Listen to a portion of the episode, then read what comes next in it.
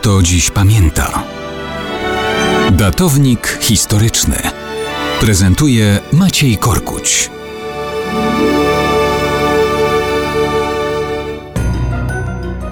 Mało kto dziś pamięta, że 8 listopada 1828 roku zakończyła się długa, bo 11-letnia droga na ślubny kobierzec Zofii z Jabłonowskich, Skarbkowej i Aleksandra z rodu Fredrów. Trwać to musiało i cierpliwości dwojga zakochanych od pierwszego wejrzenia wymagało wielkiej. Dlaczego? Ano dlatego, że piękna Zofia męża już miała. Hrabianka Zofia Jabłonowska bowiem jako piętnastolatka została wydana za ponad 30-letniego pana Stanisława Skarbka, jednego z najbogatszych ludzi w tej części kontynentu. Skarbek słynął z filantropii i nakładów na rozwój kultury.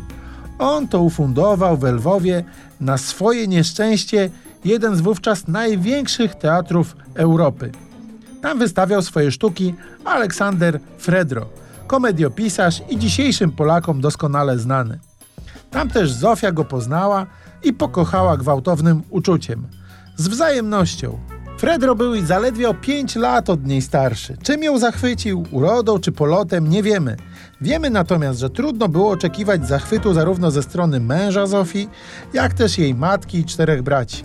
Ale miłość była wielka. Starania o unieważnienie związku i zgodę na ponowny ożenek trwały ponad dekadę.